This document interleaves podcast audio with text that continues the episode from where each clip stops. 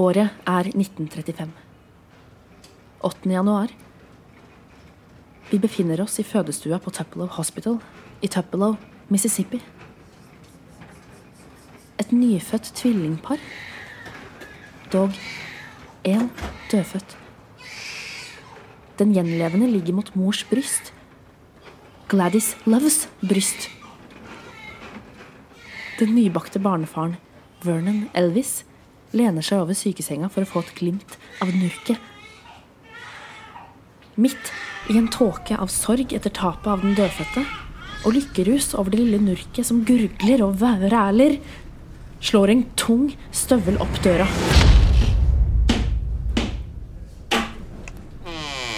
Den lokale sheriffen. Hatten tas ikke av i en vennlig gest, men beholdes på. Han kaster en stor arbeidspekefinger mot den nyfødte. Det er ferdig for deg. Deg blir ikke noe av. Velkommen til podkasten Elvis, et misforstått geni.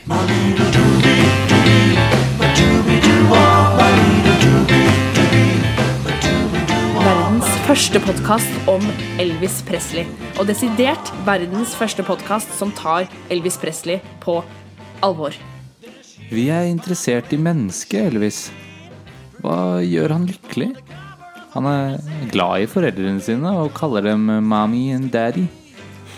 Faren hans kaller han the boy, og da svarer han daddy. Er det de som gjør han lykkelig? Eller var det hans vakre kone Priscilla, som bare var 14 år, stakkars? Banansplitter i lange baner? Eller er det rett og slett å stikke på blåtur med, med, gut, med gutta boys? Men eh, hvem er gutta hans? Vet ikke. Hvordan håndterte han nedturer?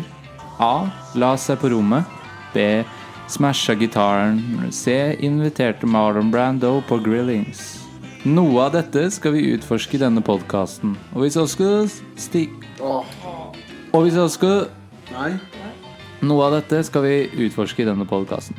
Og vi skal også stikke innom herrens år 1958, hvor moren til Elvis, Gladys Presley, døde av hjerteattakk. Sleiken hans stivna i frostingen hennes, og han var i militæret og møtte sin gode venn og senere erkefiende Martin Luther King jr. Altså, det som er greia, da, er at Elvis er en mann med veldig mange jern i ilden. Altså, I løpet av sitt lange liv så har han rukket å utrette en rekke nyvinninger samt bragder innen en rekke forskjellige fagfelter. Som tidligere nevnt så var jo Elvis en sentral spiller i det amerikanske militæret, der han i løpet av kort tid formet det amerikanske militæret om til den supermakten vi kjenner oss som i dag. Men Elvis var også sykelig opptatt av liv, og gjorde alt han kunne for å redde flest mulig liv. Dette være seg på slagmarken eller på operasjonsbordet. Noe som gjenspeiles i hans mange bidrag til den moderne medisinen. Altså Elvis var en drivende faktor innen utviklingen av radiologi. Det medisinske fagfeltet som går ut på å bruke bildedannende metoder for å avdekke og behandle sykdommer. Ja, Og ved siden av lidenskapen sin for å redde utallige liv, likte Elvis også å tukle med film. Det gjorde han på barnerommet. Og det ledet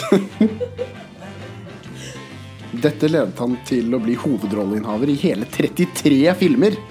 Altså, Det er mer enn Tupac og Marilyn Monroe til sammen.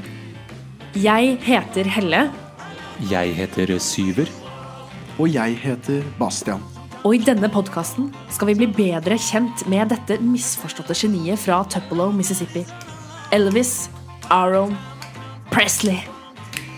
Rock, rock, rock around the clock, rock around the clock, rock, rock, rock, rock around the clock. rock around the clock, rock around the clock.